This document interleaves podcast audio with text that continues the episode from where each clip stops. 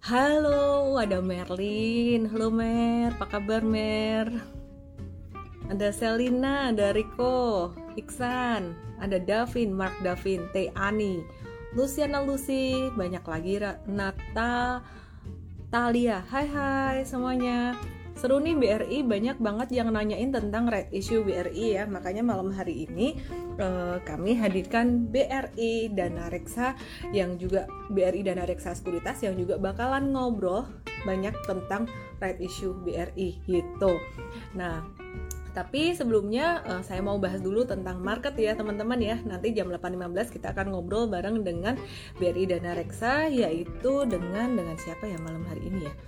Hmm, dengan Pak Reza. Pak Reza ini siapa sih? Pak Reza ini adalah Head of Retail BRI Dana Reksa Sekuritas.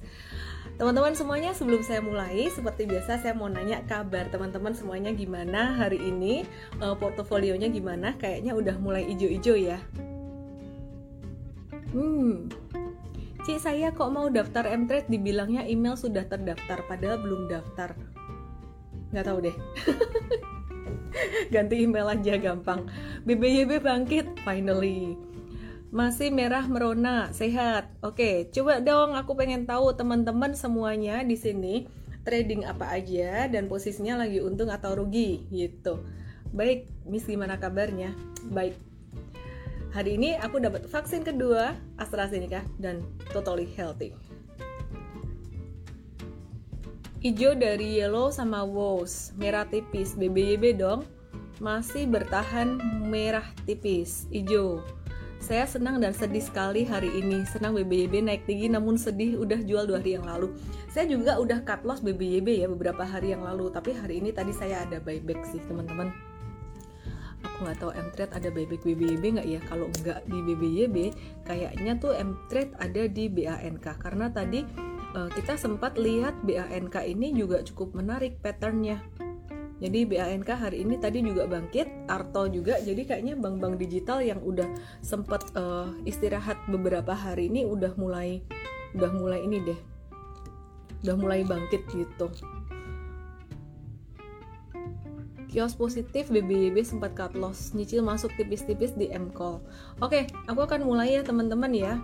Jadi malam hari ini aku akan start selalu dari IHSG gimana sebelum kita ngobrol dengan Pak Reza Head of Retail dari BRI Dana Reksa Sekuritas. IHSG seperti biasa, seperti biasa. Sejak uh, bulan April ya, sejak bulan April ini masih sideways terus sampai sekarang sejak bulan April masih sideways terus sampai sekarang teman-teman. Nah, untuk uh, sentimennya sendiri saat ini apa aja sih dari global saat ini malam hari ini nanti akan ada sorry kayaknya aku ketukar deh datanya.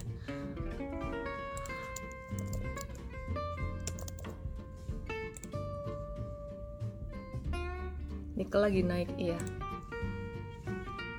Ah, data jobless claim itu kemarin ya. Jadi data jobless claim ini udah semakin membaik di Amerika gitu. Terus kemudian harga timah ini diprediksi juga masih bisa menguat gitu. Jadi candlenya uh, chartnya bentuk pola seperti double bottom gitu untuk uh, harga timah dan bisa naik sampai mungkin level 35.000 36 ribuan untuk harga timah gitu. Terus kemudian harga nikel juga masih uptrend. Sekarang sih sebenarnya dia lagi ngadepin satu resisten yang cukup kuat sekitaran level 20.000 sampai sekitaran 21.000 untuk harga nikel. Tapi e, kalau misalkan breakout dari area ini, ini merupakan ini merupakan resisten yang sangat sangat kuat sekali. Jadi menurut saya teman-teman disclaimer juga ya untuk teman-teman semuanya. Tapi kalau kami lihat dari Mtrade uh, untuk Antam, Inco, Tins dan juga uh, Harum ini teman-teman boleh untuk mulai cicil untuk simpan mungkin dalam beberapa bulan ke depan gitu. Jadi bukan cuma untuk swing trading aja. Nah, terutama Antam dan juga Inco kalau untuk uh, saham-saham nikel gitu. Tapi kalau teman-teman dalam jangka pendek, saham-saham ini, Antam dan juga Inco, nikel, ini masih dalam trend sideways-nya. Antam itu dalam trend sideways sampai level 2700. Jadi buat yang nge-swing trading, besok tuh sebenarnya udah mulai rawan profit taking di level 2700 kalau naik lagi udah rawan profit taking. Terus kemudian uh, kalau Inco Inco gimana? Jadi 2700 tuh buat Antam adalah level penentuan. Kalau misalkan breakout dari itu, nanti Antam akan menuju resisten berikutnya di level uh, eh, 3000 gitu. Nah, kalau menurut aku sih, worth it nggak sih sebenarnya kita beli Antam di level sekarang ini? Kalau mindsetnya swing trading, uh, agak kurang worth it karena dekat resisten 27 tadi. Tapi kalau mindsetnya mau nabung atau simpenin Antam ini buat beberapa bulan ke depan, yang which is harga uh, nikel banyak naik dan nanti juga pasti laporan keuangan dia juga jadi membaik. Jadi kalau misalkan mau simpan dalam beberapa bulan ke depan masih sangat worth it sekali. Koleksinya atau belinya di level berapa? 2700 ke bawah sampai level 2320. Jadi ya itu nyicil beli bertahap kalau mau simpan dalam jangka waktu menengah. Uh, Antam OTW 3000, oke. Okay. Uh, eh, mungkin dalam rentang waktu kurang dari satu bulan bisa. Tapi target Desember sekitaran 3.300 jadi yang mau nyicil beli uh, ngantri-ngantri gitu boleh sih. Ya di Mtrade ini kayaknya belum direkom untuk jangka menengah. Kita tunggu koreksi dulu tapi ya ini cukup menarik. Kita akan infoin kalau dia ada koreksi atau ada turun ya. Nah Inco sendiri hari ini tadi juga uh, sempat menguat tapi kembali turun sampai ke level 5150 untuk Inco hmm, bisa nggak sih Inco ini dicicil buat jangka menengah itu beberapa bulan ke depan uh, mengharapkan return dari kenaikan window dressing di akhir tahun? Bisa sih tapi patternnya untuk Antam lebih menarik ya. Antam tuh patternnya lebih bagus gitu. Terus kemudian kalau Tins gimana Tins gimana? Tins ini mirip-mirip juga teman-teman. Jadi tadi M-Trade ada profit taking untuk swing tradingnya Tins itu profitnya kecil sih sekitaran 3 persenan aja. Kenapa kita cepet-cepet profit taking? Karena dia kena resisten di masa sideways-nya. Harum dan Inco bagusan mana? Kalau secara teknikal ya, aku coba lihat ya. Uh, Harum lebih ringan diangkatnya gerak harga sahamnya tuh lebih lebih lu lebih lincah lah daripada Inco kalau Inco dia uh, lebih banyak sidewaysnya gitu kaosnya yang lagi dipakai bagus oke okay. kalungnya bagus juga ya oke okay. ya jadi um, kalau Harum hari ini malah dia breakout. Harum itu dalam jangka pendek, dalam waktu kurang dari satu bulan. Disclaimer juga teman-teman, which is nggak ada satupun orang yang pasti tahu, tapi ini perkiraan aja. Dasarnya apa? Dasarnya adalah saya ngitung candle sebenarnya. Dalam waktu mungkin kurang dari satu bulan itu uh, upside-nya bisa sampai level 6 ribuan gitu, 6000 sampai 6100. Jadi ya jika teman-teman bukan mau swing trading, jika teman-teman mau jangka menengah hold ya itu uh, cukup menarik ya. Tapi kalau jangka menengah yang sampai hold beberapa bulan dari empat itu aku pilih antam gitu. Mau kalungnya kalau di giveaway? Oh no. Oke. okay. BBHI kenapa terbang? Halo Bank Indonesia. Iya sih BBHI ya. Naik ya. Ini hari ini auto reject atas dan uh, bisa naik lagi sampai 3250 cuman yang belum punya jangan dikejar teman-teman semuanya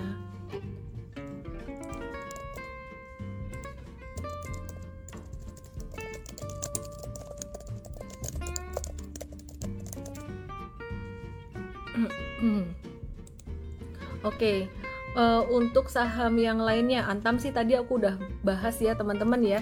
Aku mau bahas saham bank digital dulu yang banyak ditanyain. Uh, hari ini tadi BABP mantul.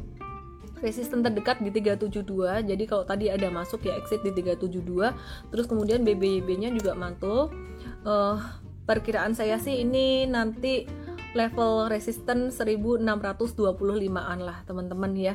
Atau 1535 ada resisten kecil tapi kalau mau profit taking buat swing trader di 1650 wah kalau mau ngehold lamaan boleh nggak sih uh, memanfaatkan tren jangka menengahnya. Kalau teman-teman mentalnya kuat hadapin fluktuasi ya boleh-boleh aja. Tapi kalau aku lihat market saat ini lebih baik jangka pendek aja buat saham-saham yang volatile kayak gini. Kalau mau jangka menengah, lebih baik cari saham-saham yang tadinya turun dalam dan udah mulai ada tanda reversal.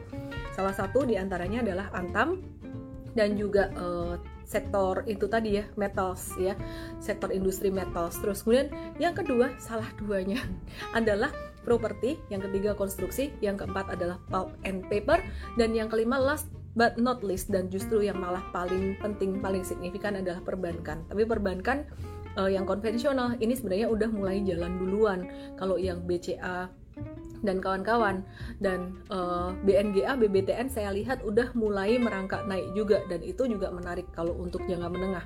Nah, BBRI ini dari perbankan besarnya, perbankan konvensional yang gede, itu BBRI teman-teman sekarang masih di area yang dekat dengan support. Jadi kalau teman-teman lihat BCA BBNI itu udah dekat dengan resisten, udah naik selang satu dua bulan ini. Nah, kalau BBRI ini dia masih di level buy untuk teman-teman investing. Jadi di level 13 sorry 3650 sampai 3850 ini kalau mau investing teman-teman nyicil sekarang boleh. Dan pertanyaannya red issue boleh ditebus atau enggak? Menurut saya sih kalau teman-teman investasi jangka panjang ya ditebus aja gitu. Tapi kalau trading ya nggak usah gitu. SMBR apakah pola channel ya pola channel tapi channelnya masih slow banget. Dan itu juga udah ada tanda reversal sebenarnya. Udah ada mulai tanda pembalikan arah ke atas tapi kurang menarik.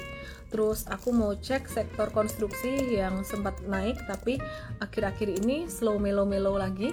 Adikarya setelah dia sempat naik dari tanggal 6 September teman-teman kalau yang belajar chart di Mtrade kan ada uh, ini ya ada menu aduh charting ya ada edukasi chartingnya. Nah, teman-teman bisa lihat di sini. Nih, kalau yang udah belajar dari video-video Mtrade ada uh, seminar super trader juga, ada ada online kelas super trader. Di Mtrade nih ada online kelas super trader ya. Aku kasih lihat ya. Buat yang VIP semuanya lengkap banget. Online kelas, seminar, masukin di sini super trader. Oke. Jadi teman-teman lihat seminar online super trader. Ini teman-teman belajar tentang pattern saham-saham yang bakalan bisa naik uh, dalam jangka waktu lumayan panjang. Ini khusus untuk VIP user. Terus eh VIP nggak sih? Nggak ada bintangnya? Kayaknya gratis deh. Oke. okay download aja aplikasi Mtrade ya teman-teman ya. Oke, nah teman-teman coba lihat di sini. Ini breakout dengan volume transaksi tinggi, kemudian dia turun, turunnya uh, volumenya semakin turun. Nah, kalau sampai kena level 780, ini si Adikarya ini level yang cukup bagus kalau teman-teman mau nyicil buat hold dalam beberapa bulan ke depan. Sekali lagi, buat teman-teman yang mau ngehold dalam beberapa bulan ke depan, mesti harus siap dengan yang namanya fluktuasi. Jadi ketika dia naik seperti ini, naik, ini akan ada yang namanya konsolidasi, turun dulu dikit. Konsolidasi itu sehat dan oke selama volume transaksinya semakin kecil. Terus kemudian ini uh, dia kalau dia naik lagi, harus disertai dengan volume transaksi yang tinggi. Ya ini chartnya dari tradingview.com ya. Tapi di Mtrade di sini di yang teman-teman yang di Mtrade itu udah nggak usah uh, beli TradingView lagi karena data TradingView itu untuk saham Indonesia bayar sekitaran 700 berapa ya? Sekitar 400 dolar setahun kayaknya. Nah, ini kalau di Mtrade uh, Mtrade VIP ini udah dapat TradingView juga gitu. Basic TradingView. Oke. Okay.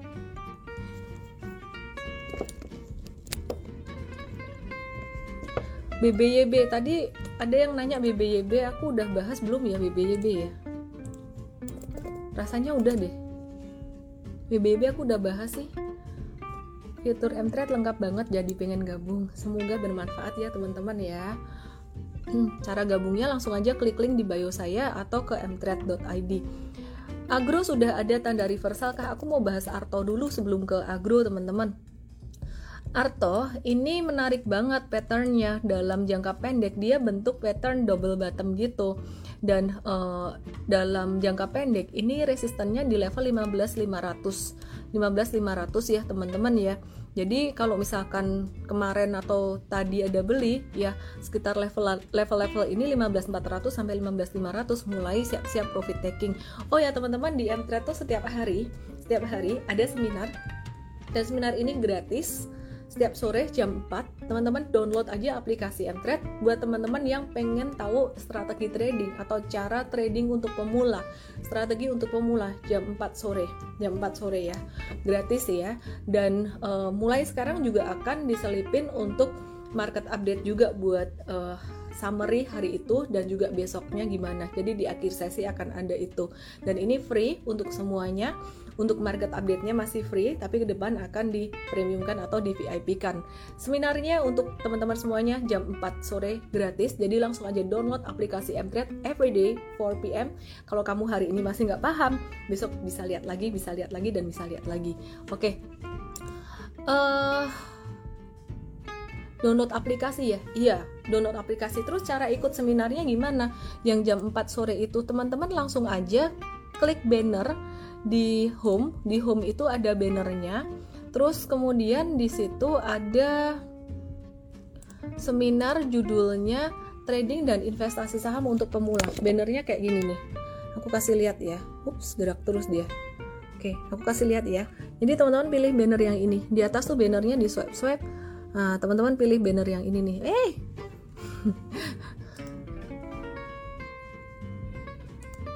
Aduh, mana tadi?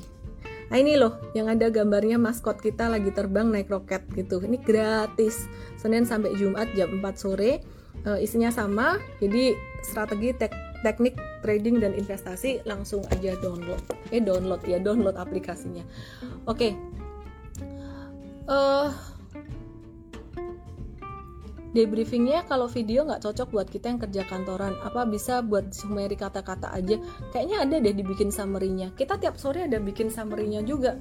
Ya kita terima kasih buat masukannya ya. Nanti akan dibikin summary dalam bentuk tulisan teman-teman semuanya yang VIP user tiap sore sekarang kita udah bikin summary jadi nggak usah nunggu morning briefing besoknya atau hotlist besoknya hotlist besok atau morning briefing besok tuh sebenarnya udah terangkum di summary sore untuk yang uh, premium untuk seminar besok daftar nggak seminar besok itu apa sih? Oh bersama dengan peluang langsung aja download aplikasi juga gratis kok untuk seminar besok. Jadi malam hari ini download aja aplikasi Mtrade dan besok jam 10 pagi ada seminar bareng peluang. Cari di bannernya cara analisis saham emas dan kripto untuk trading. Oke, teman-teman semuanya sebelum aku invite Pak Reza dari eh, BR BRI Dana Reksa Sekuritas uh, saya mau info bahwa kita ada ada hiring beberapa posisi dari product manager, uh, eh, HR manager, dan kemudian juga marketing manager, iOS, Android developer, front end, back end, uh, data analyst, dan juga coach atau trader. Langsung aja, langsung aja ke mtrade.id garis miring karir di sini. Oke ya, mtrade.id garis miring karir. Oke, teman-teman, aku akan invite Pak Reza, Head of Sal Sekuritas. Agronya lupa bahas nanti ya.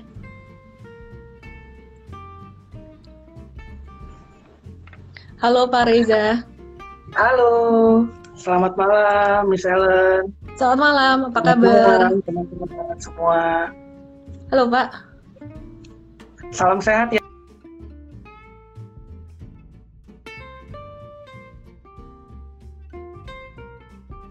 Ya, mau nanya Pak, bicara tentang potensi uh, bisnis BRI, pasca right issue ini gimana Pak dengan adanya holding ultra Iya, uh, halo, selamat malam. Halo, ya, ya Pak. mungkin ya. Potensi bisnis ya. di Bank BRI gimana ya Pak setelah uh, right issue dengan adanya holding ultra mikro? Oke, okay, uh, eh, mungkin di sini terkait dengan uh, potensi bisnisnya ya. Potensi bisnis terkait uh, apa ad adanya pembentukan holding ultra micro uh, dari BRI sendiri ini memang diharapkan uh, dapat uh, apa namanya memberikan impact yang sangat positif uh, kepada uh, kinerja dari BRI secara grup gitu ya. Karena kenapa? Karena memang uh, pembentukan holding ultra micro ini uh, selain untuk meningkatkan uh, penetrasi ya penetrasi perbankan gitu ya secara lebih uh, masif ke seluruh Indonesia itu dan juga di sini uh, tujuannya adalah untuk uh, mentap nasabah-nasabah ataupun calon nasabah yang saat ini jatuhnya itu adalah unbankable uh, misalnya. Hmm. Mungkin di sini kalau kita apa namanya melihat gitu ya paparan yang waktu itu sempat disampaikan oleh uh, investor relation dari Bank BRI itu memang diperkirakan sekitar ada 30 juta uh, rakyat Indonesia gitu ya yang memang uh, bisa dikatakan sebagai pengusaha uh, ultra mikro gitu ya yang yang posisinya saat ini uh, belum uh, bisa mengakses perbankan atau unbankable. Sehingga dengan adanya holding ultra mikro ini uh, harapannya nanti secara end to end uh, calon nasabah tersebut gitu ya yang uh, size-nya mungkin is very small could be less than 10 million atau tes uh, less than 5 million itu bisa di grab dan uh, dapat diberdayakan untuk selanjutnya dapat uh, naik segmen gitu ya dari ultra micro, kemudian lanjut ke micro, uh, kemudian small and medium enterprise dan selanjutnya seperti itu. Jadi bisa dikatakan pembentukan holding ultra micro ini uh, bukan hanya akan memberikan benefit kepada uh, BBRI secara jangka panjang, namun juga dapat meningkatkan uh, pertumbuhan ekonomi secara nasional. Mengingat uh, size Bank BRI yang saat ini memang merupakan bank terbesar di Indonesia gitu ya dengan jaringan yang uh, bisa dikatakan lebih dari kalau saya di seluruh Indonesia. Oke, Pak mau nanya nih Pak untuk dampak dari right issue sendiri ke harga saham ke depan gimana ya Pak kira-kira? Oke, ini juga memang pertanyaan yang apa ya bisa dikatakan paling banyak nih, misalnya uh, kaitannya antara uh, harga uh, saham BBRI dengan rights sendiri, dengan harga penebusannya sendiri ya memang kan kita uh, sama-sama mengetahui bahwa uh, harga penebusannya itu di level 3.400 gitu ya. Sementara uh, harga BBRI closing per hari ini itu sekitar 3.770 jadi kalau dilihat uh, dan dengan melihat potensi holding ultra micro tadi seharusnya uh, kondisinya dua-duanya kondusif ya. Jadi yang pertama harga di market sendiri di atas harga penebusan gitu kan yang pertama. Kemudian yang kedua potensi uh, dari bisnis holding ultra mikro juga sangat prospektif gitu ya meningkatkan perekonomian uh, secara nasional bahkan. Uh, sehingga harusnya bagi para pemegang right BBRI uh, jangan disia-siakan kesempatan yang ada sih kalau saya bilang misalnya terlebih juga mungkin misalnya kalau kita sama-sama ngeh gitu ya uh, BBRI ini kan IPO di November 2003 gitu ya. Hmm. Uh, sementara sekarang 2021 which means 18 tahun dari semenjak IPO uh, baru dilakukan aksi korporasi berupa right issue. Jadi mungkin this is such a moment yang belum tentu bisa pulang dalam waktu 5 atau 10 tahun ke depan. Terlebih ini juga sangat strategik untuk pertumbuhan perekonomian secara nasional. Mungkin itu misalnya. Hmm, menarik, menarik. Iya, ini banyak teman-teman yang nanya nih Pak, uh, red issue yeah. BRI tebus nggak ya? Kalau saya sih bilangnya teman-teman yang mau investasi jangka panjang wajib tebus nih gitu. Mungkin banyak yeah. teman-teman yang penasaran kenapa sih BRI ini melakukan red issue atau penerbitan saham baru? Oke, okay, jadi uh, kenapa BBRI melakukan right issue? uh, karena gini, ideas awalnya memang kalau teman-teman ingat gitu ya, uh, kalau saya nggak salah waktu itu sebelum pandemi, sekitar bulan Februari tahun 2020 waktu itu memang uh, Pak Erick Thohir sendiri ya sempat uh, apa namanya memberikan paparan gitu ya dan juga itu masuk ke media bahwa uh, untuk menumbuh kembangkan perekonomian nasional khususnya untuk pengembangan nasabah-nasabah uh, atau basis uh, ultra micro yang unbankable ini harus uh, dibuat satu holding yang memang khusus untuk meningkatkan uh, strata perekonomian uh, dari uh, kelas nasabah tersebut gitu ya. Nah uh, di situ akhirnya memang tercetus ide untuk dilakukannya pembentukan holding ultra micro. Tapi memang dikarenakan adanya pandemik ini uh, dampaknya menjadi tertunda. Kalau saya nggak salah waktu itu harusnya di awal semester 2 2020, tapi baru kebentuk sekarang.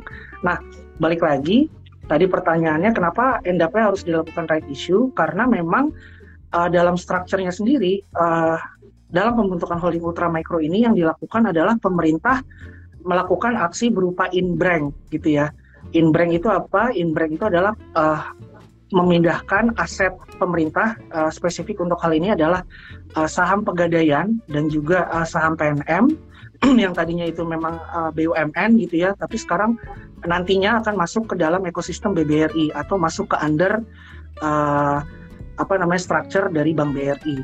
Nah, atas aktivitas tersebut tentunya kan uh, memunculkan adanya uh, potensi dilusi gitu ya, karena pastinya saham jumlah persentase saham pemerintah menjadi bertambah sementara yang saham publiknya uh, mau nggak mau harus dilakukan equal treatment. Nah, sehingga dampak dari aksi korporasi tersebut uh, dilakukanlah yang namanya right issue untuk tetap menjaga proporsi dari pemilik saham BBRI yang publik agar tidak mengalami dilusi.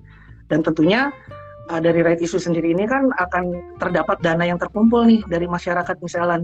Nah, dana tersebutlah yang juga termasuk akan digunakan untuk pengembangan uh, dan fokus untuk uh, peningkatan dari penetrasi holding ultra micro ini. Mungkin itu hmm. yang bisa saya sampaikan. Oke, okay, okay. Ini banyak yang nanya gimana cara nebusnya Pak gitu. teman teman-teman kalau nebus ini uh, BRI sih hubungin sekuritas masing-masing ya. Tapi kayaknya kalau dari BRI dana dana reksa sekuritas ada ada cara baru ya Pak ya. Gimana cara nebusnya ini Pak? Iya, memang betul. Uh, tentunya kami di sini selaku perusahaan anak dari Bank BRI uh, apalagi yang langsung uh, in touch ke capital market gitu ya pasar modal. Dan ini memang hajatannya hajatan pasar modal gitu ya. Uh, kami juga sangat serius di sini untuk mempersiapkan uh, kebutuhan dalam hal hajatan uh, right issue ini. Jadi untuk right issue BBRI sendiri ini uh, kami menyediakan uh, web gitu ya uh, untuk proses penebusan dari right issue BBRI sehingga penebusannya dapat dilakukan secara online. Nah, webnya itu sendiri adalah uh, rightsbri.danareksaonline.com. Uh, Jadi uh, untuk rights BBRI ini proses penebusannya kita sudah paperless gitu ya dan juga tentunya mengikuti perkembangan digital dan di sisi lain memang patut diakui uh, nasabah juga sangat banyak yang memiliki saham BBRI seperti itu. Hmm. Ini ada yang nanya harganya berapa Pak? Apakah harga nebusnya dengan harga rate-nya sama atau beda? Terus sekalian Pak diinfoin kapan sih rate issue-nya, uh, batas waktu penebusannya kapan gitu? Oke, okay. jadi kalau kita uh, balik lagi ya, harga penebusannya itu di 3.400 gitu ya. Sementara kan harga marketnya saat ini sekitar uh, per closing tadi 3.770. Jadi harusnya uh, masih sangat favorable apabila uh, teman-teman ingin melakukan penebusan karena ya kita akan dapat saham uh, di harga yang sudah ditetapkan yang lebih rendah dibandingkan dengan harga market itu yang pertama. Nah tanggal-tanggal penting yang harus dicatat uh, tentunya kita sudah sama-sama tahu tadi cum ride sudah lewat, uh, X ride juga sudah lewat tanggal 7 dan tanggal 8 September. Nah, yang menjadi titik poin krusial adalah mulai besok Senin di tanggal 13 September hingga 22 September sebelum pukul 11.30 WIB misalnya. Karena itu adalah momen untuk dilakukannya exercise atau penebusan right issue dari BBRI uh, dan di sisi lain juga merupakan trading period dari right BBRI itu sendiri. Nah, untuk uh, tradingnya sendiri itu dilakukan di pasar tunai dan dilakukan di sesi satu market seperti itu. Hmm. Oke oke oke. Ya jadi teman-teman kalau ngelihat saat ini sih dari dari Mtrade sendiri ya kita ngelihat untuk harga saham BRI ini kayaknya udah nggak akan turun jauh lagi. Turun kalaupun ada turun uh, menyesuaikan dengan harga isu ini lebih dikit rasanya ya. Jadi uh, saya pribadi sih mulai beli BRI untuk investasi, terutama aku kasih tahu anak-anakku karena sempat aku ajakin mereka trading saham-saham bank digital, terus cut loss mereka. yang kebetulan aja pas turun ya, sempat untung juga waktu itu. Jadi saya mulai ya, ajarin ya. untuk ini juga uh, untuk BRI ini beli mulai dari harga 3620 sampai harga sekarang tuh masih bisa teman-teman ya. Jadi best price untuk saat ini memang 3620. Apakah akan turun sampai ke harga 3400 harga right issue-nya?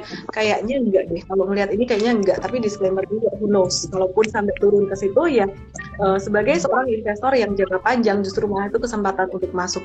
Yang terpenting adalah berinvestasilah sesuai dengan nominal yang sesuai dengan profil resiko teman-teman. Jadi jangan terus di angka sekarang dihajar beli bleh, terus kemudian nanti kalau ada koreksi atau gimana panik. BRI ini termasuk salah satu saham yang cocok kalau kalian pengen terapkan strategi DCA atau dollar cost averaging. Dan DCA atau dollar cost averaging ini saya nggak mau yang DCA-nya sepanjang tahun, sepanjang masa. Saya mau lakukan DCA dollar cost averaging atau beli secara konsisten itu jika harganya dan valuasinya masih cukup murah. Kalau valuasi BRI saat ini bisa dibilang uh, fair, slightly discounted, sedikit terdiskon, uh, dan juga untuk harga sahamnya juga sekarang masih cukup terdiskon dibandingkan dengan beberapa bulan yang lalu. Harga BRI saat ini ini udah diskon sekitaran, aku hitung dulu berapa persen ya, dari level tertingginya info lain, oke. Okay. Dia sudah sempat terdiskon sekitaran 20 5% dari level tertinggi dari Januari, terendahnya tuh di du, Agustus kemarin. Ya, jadi kalau sampai harga sekarang ya ini discounted 23%. Jadi ini masih sangat sangat menarik sekali buat teman-teman uh, coba untuk investasiin. Dan harga sekarang 3780 itu sama rendahnya dengan harga di Mei 2021 dan juga di November 2020. Jadi lumayan discounted. Kalau untuk BCA udah agak mahal teman-teman ya, baik secara harga maupun valuasinya. E, demikian pula dengan BNI gitu. Jadi e, Bank Mandiri sendiri gimana? Bank Mandiri mirip-mirip dengan BRI, tapi kalau teman-teman cari yang benar-benar harganya masih di bottom dan upside-nya masih cukup lumayan, BRI ini saya bilang oke okay, ya. Jadi untuk long term investing yang profil resikonya nggak suka dengan eh, nggak uh, siap dengan volatility market BRI ini oke okay banget gitu. Oke, okay. Pak mungkin boleh cerita dikit dong ya. tentang fundamental Bank BRI apa yang menarik dari BRI ini untuk diinvestasikan dibandingkan dengan tiga bank besar lainnya dan juga dibandingkan dengan bank-bank digital lainnya yang sekarang mm-hmm. lagi agresif banget. Oke, okay. mungkin uh, di awal uh, saya harus ini dulu ya kali ya misalnya uh, state uh, disclaimer disclaimer dalam artian apa karena kami ini sifatnya terafiliasi gitu ya. Terafiliasi dengan Bank BRI jadi uh, kalau dari segi apa uh, fundamental terus kemudian nanti uh, target price-nya itu secara uh, aturan main yang berlaku memang kami tidak bisa langsung mengeluarkan gitu ya. Kenapa? Karena kami merupakan perusahaan dari BRI takutnya konflik terus. Tapi mungkin gambaran umum yang bisa saya coba kasih uh, besaran-besarannya nih. Uh, pertama Bank BRI itu adalah bank terbesar di Indonesia gitu ya. Mungkin kalau kita bisa lihat perjalanannya uh, dari 10 atau 15 tahun yang lalu gitu ya. Mungkin kalau dari pertama kita sama-sama tahu uh, pertama itu uh, mungkin ada salah satu bank BUMN lah yang yang paling besar gitu ya.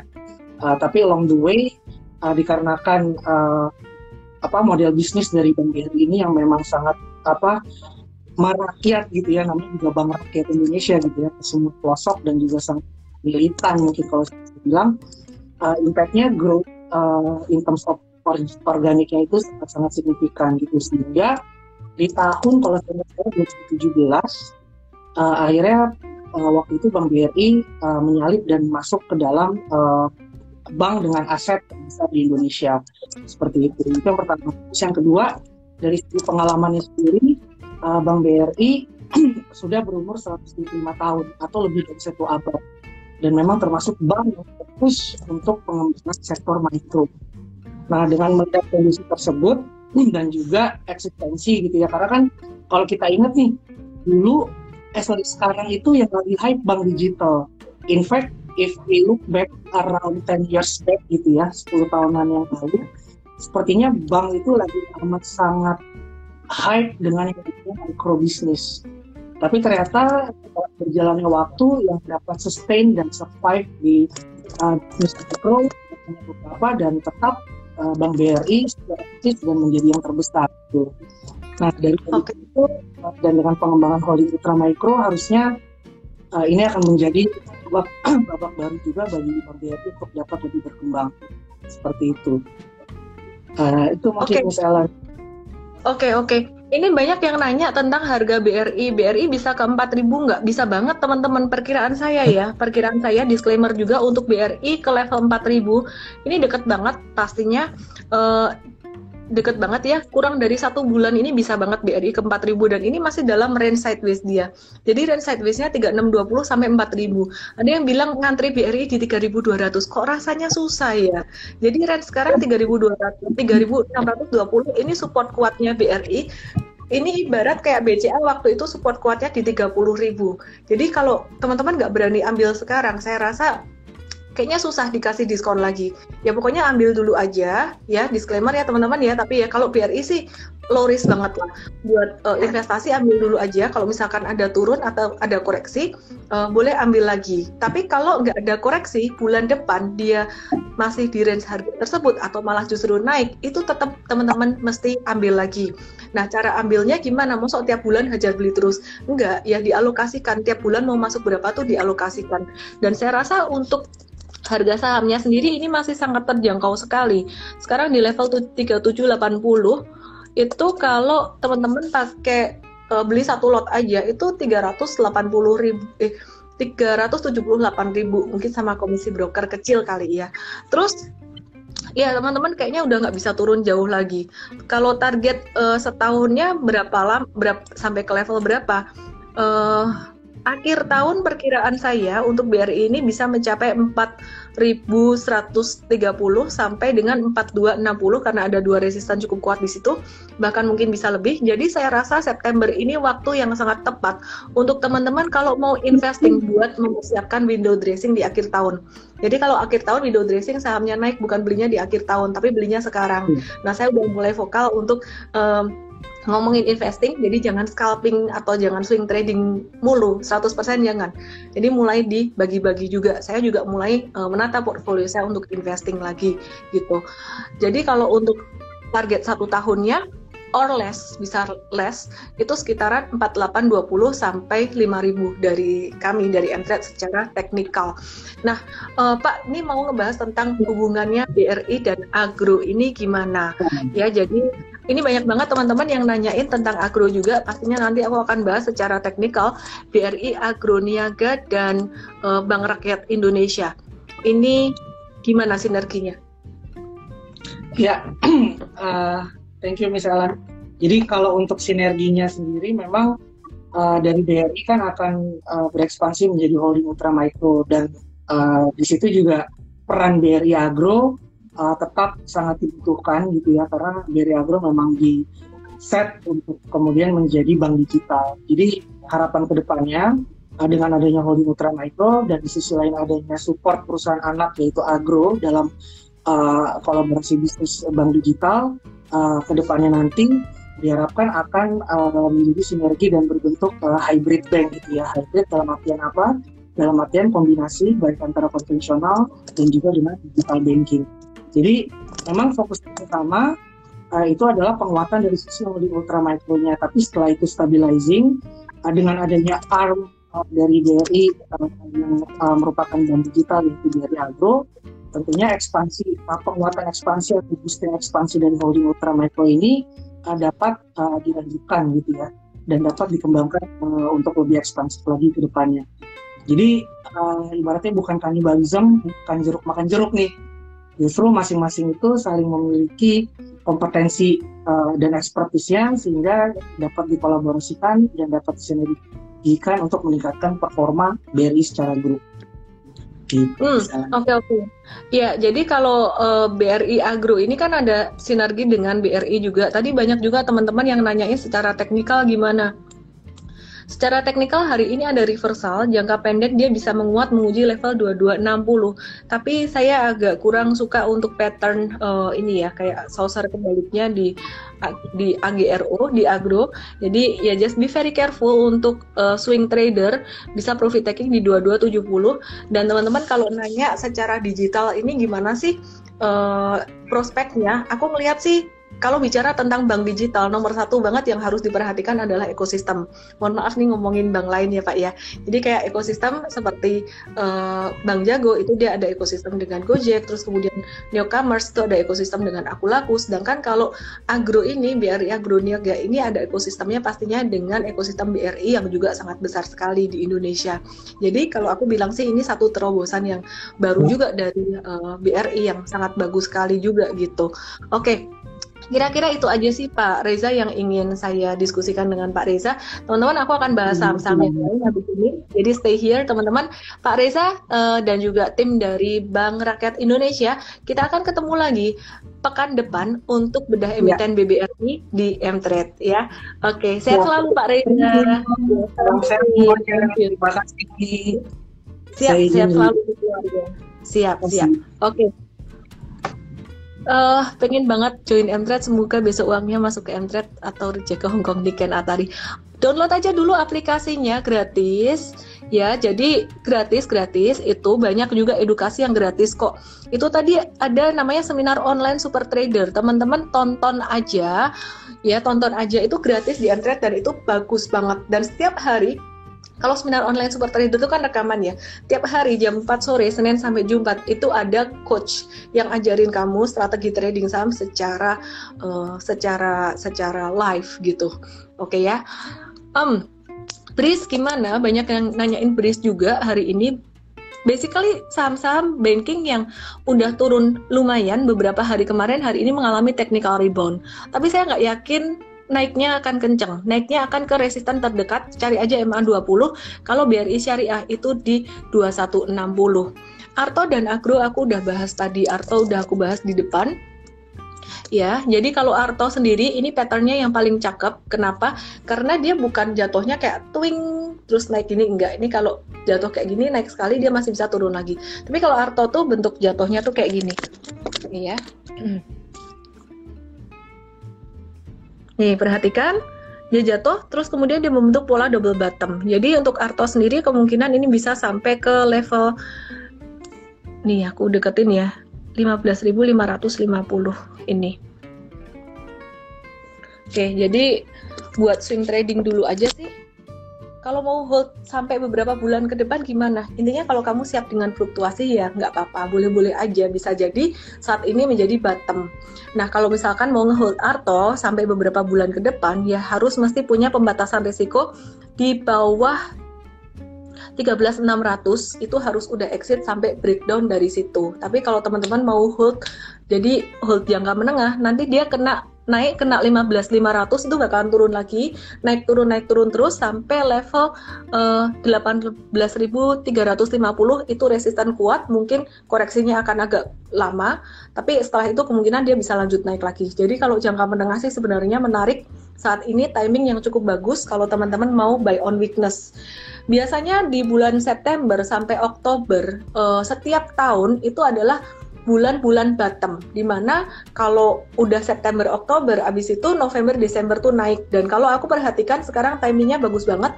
COVID-19 itu turun banget dan itu adalah katalis yang paling positif karena ya cuman itu katalis yang ternegatif buat market saat ini. Dan kalau COVID-19 ini sudah membaik, maka investor asing juga akan berminat masuk ke Indonesia, terutama pada saham-saham fundamental bagus.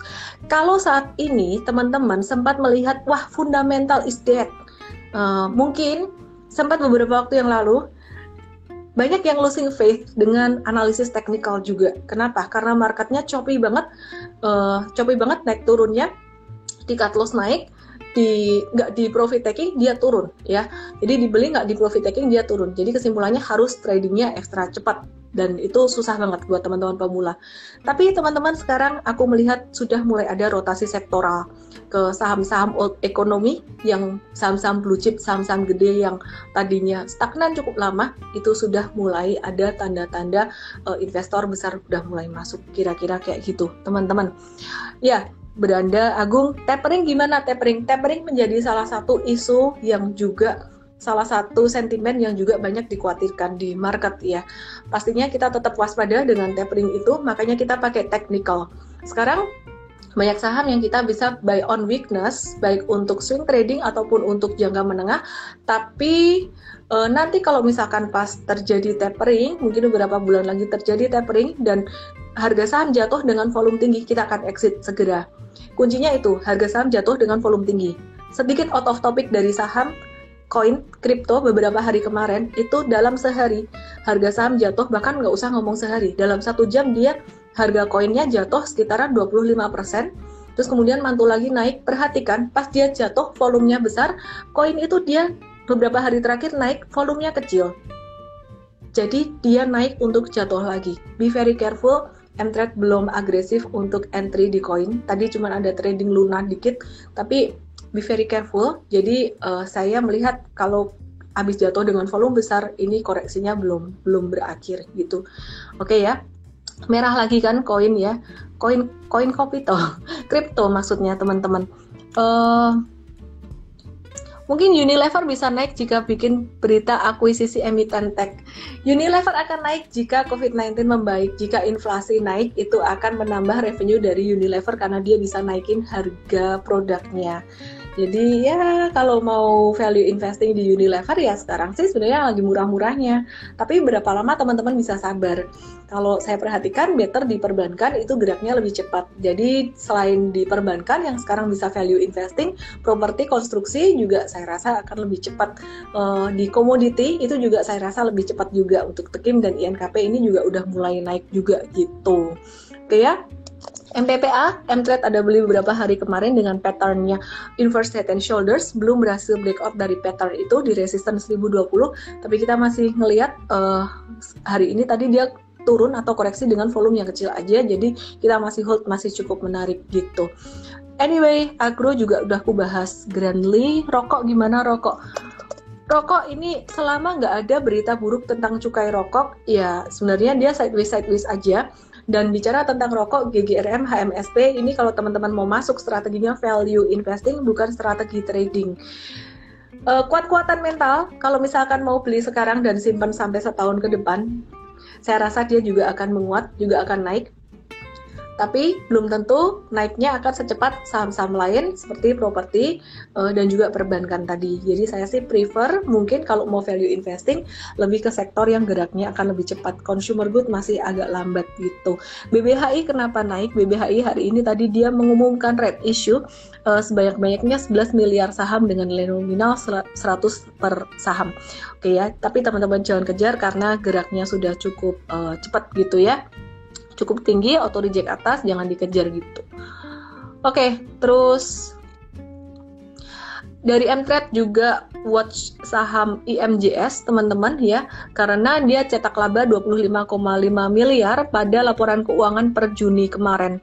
Terus uh, dibandingin dengan posisi sebelumnya di semester 1 2020 setahun yang lalu tuh dia rugi 13 miliar. Jadi itu satu katalis yang positif buat uh, eh, IMJS terus kemudian kita ngelihat ultra voucher ini juga banyak banget pengembangannya dan kayaknya dia membentuk ascending triangle yang menarik banget pattern teknikalnya yang bisa di watch untuk pekan depan Terus selain itu uh, kita juga ngelihat ada saham BBTN. BBTN seperti yang aku bilang tadi di awal ya. Uh, ini bisa juga untuk teman-teman yang mau nyerok bawah buat simpan beberapa bulan ke depan. Geraknya pelan-pelan, slow but steady dia.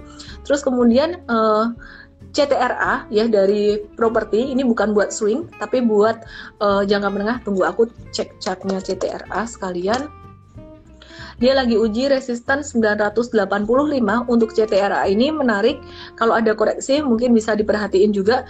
Uh, marketing salesnya 35,3,5 triliun mencapai 61% target 2021 gitu. Nah, jadi balik lagi ke GGRM. GGRM ini dia lagi bentuk tiga anak usaha dan valuasinya juga sangat murah sekali. Saya rasa dia tahun depan juga pasti bisa naik lah. Kalau punya uang lebih sampai bingung mau ditaruh di mana daripada di deposito returnnya kecil mungkin bisa taruh di situ. Banyak yang nanya, wah apakah BRI akan jadi seperti Unilever? Enggak. Enggak sama sekali enggak karena sektor finansial ini masih sangat diperlukan sekali ya masih sangat diperlukan sekali dan mereka punya return juga bagus gitu empat perbankan uh, besar ini punya return bagus pada kuartal kedua kemarin gitu ya pertumbuhan kredit juga pastinya akan membaik dengan COVID-19 yang membaik. Nah, Kemudian ada saham Wood atau Integra Indo Kabinet yang jadi uh, pilihan Mtrade juga hari ini. Uh, kita lihat untuk Wood sendiri untuk sales dia atau revenue di semester 1 2020 itu naik banyak 113,61 persen menjadi 2,07 triliun gitu. Padahal uh, kalau di tahun sebelumnya itu cuma 969 miliar, jadi double dua kali. Nah itulah jadi alasan juga kenapa tadi Mtrade uh, ada masuk ke Wood dan kita nggak akan buru-buru cepat-cepat untuk di Wood itu. Terus kemudian kita ada Watch, Asus dan juga Kios juga. Untuk Asus ini dia ada menambah gerai baru di Depok, Depok total 213 toko dan juga untuk Kios ini ada meluncurkan IndoXC.com market marketplace dengan produk digital terlengkapnya. Semen sentimen buruk oversupply ya, swing trading aja dulu, oke? Okay? Nah kalau batu bara gimana? Uh, batu bara sih masih agak slow ya teman-teman ya. Slow but steady juga sebenarnya. Kalau batu bara teman-teman yang mau sabar untuk value investing di Adaro tapi ini kayaknya agak-agak kurang cocok buat trading lebih ke investing. Itu sih teman-teman. Uh, anyway saya off dulu sampai di sini dulu. Kita ketemu lagi besok jam 10 pagi. Jangan lupa download aplikasi Mtrade karena acara besok itu gratis dan kamu bisa ikut nonton semua. Kita akan bahas tentang strategi analisis saham, emas, dan forex bersama saya, Coach Andre Menas dan Ibu Claudia dari aplikasi Peluang. Jadi kita bekerja sama dengan Peluang dan acara ini gratis untuk kamu-kamu semua. Download aplikasi Mtrade, banyak yang gratis di Mtrade yang kamu bisa nikmati. Dan jangan lupa acara besok ini juga untuk donasi atau um, membantu teman-teman kita yang kena COVID, uh, langsung aja ke kitabisa.com garis miring Mtrade Peduli COVID menghadirkan oksigen konsentrator untuk pasien COVID-19 dan yang ikut uh, donasi bisa ikut acara besok. Sebenarnya yang nggak donasi juga bisa ikut acara besok, tapi alangkah baiknya kalau kita berbagi buat sesama ya. Jadi download aplikasi Mtrade dan swipe swipe swipe banner acara besok langsung klik di situ. Buat teman-teman yang mau join VIP uh, Mtrade ya sebagai user premium kita langsung aja klik link di bio saya atau ke mtrade.id dan kita juga membuka lowongan buat teman-teman semuanya untuk posisi-posisi yang saya sebutkan tadi atau langsung ke mtrade.id garis miring karir C A R E E R. Saya mau kasih giveaway buat teman-teman yang semangat hari ini underscore prastagram kemudian yang kedua George Wiwaha, yang ketiga Devi Natalia, yang keempat Susilia Liu, yang keempat Handayani Tri 1969, langsung aja klik link, eh sorry, langsung aja DM saya EMT7 nama email WhatsApp. Salam profit. Salam profit. Stay healthy everyone. Bye bye.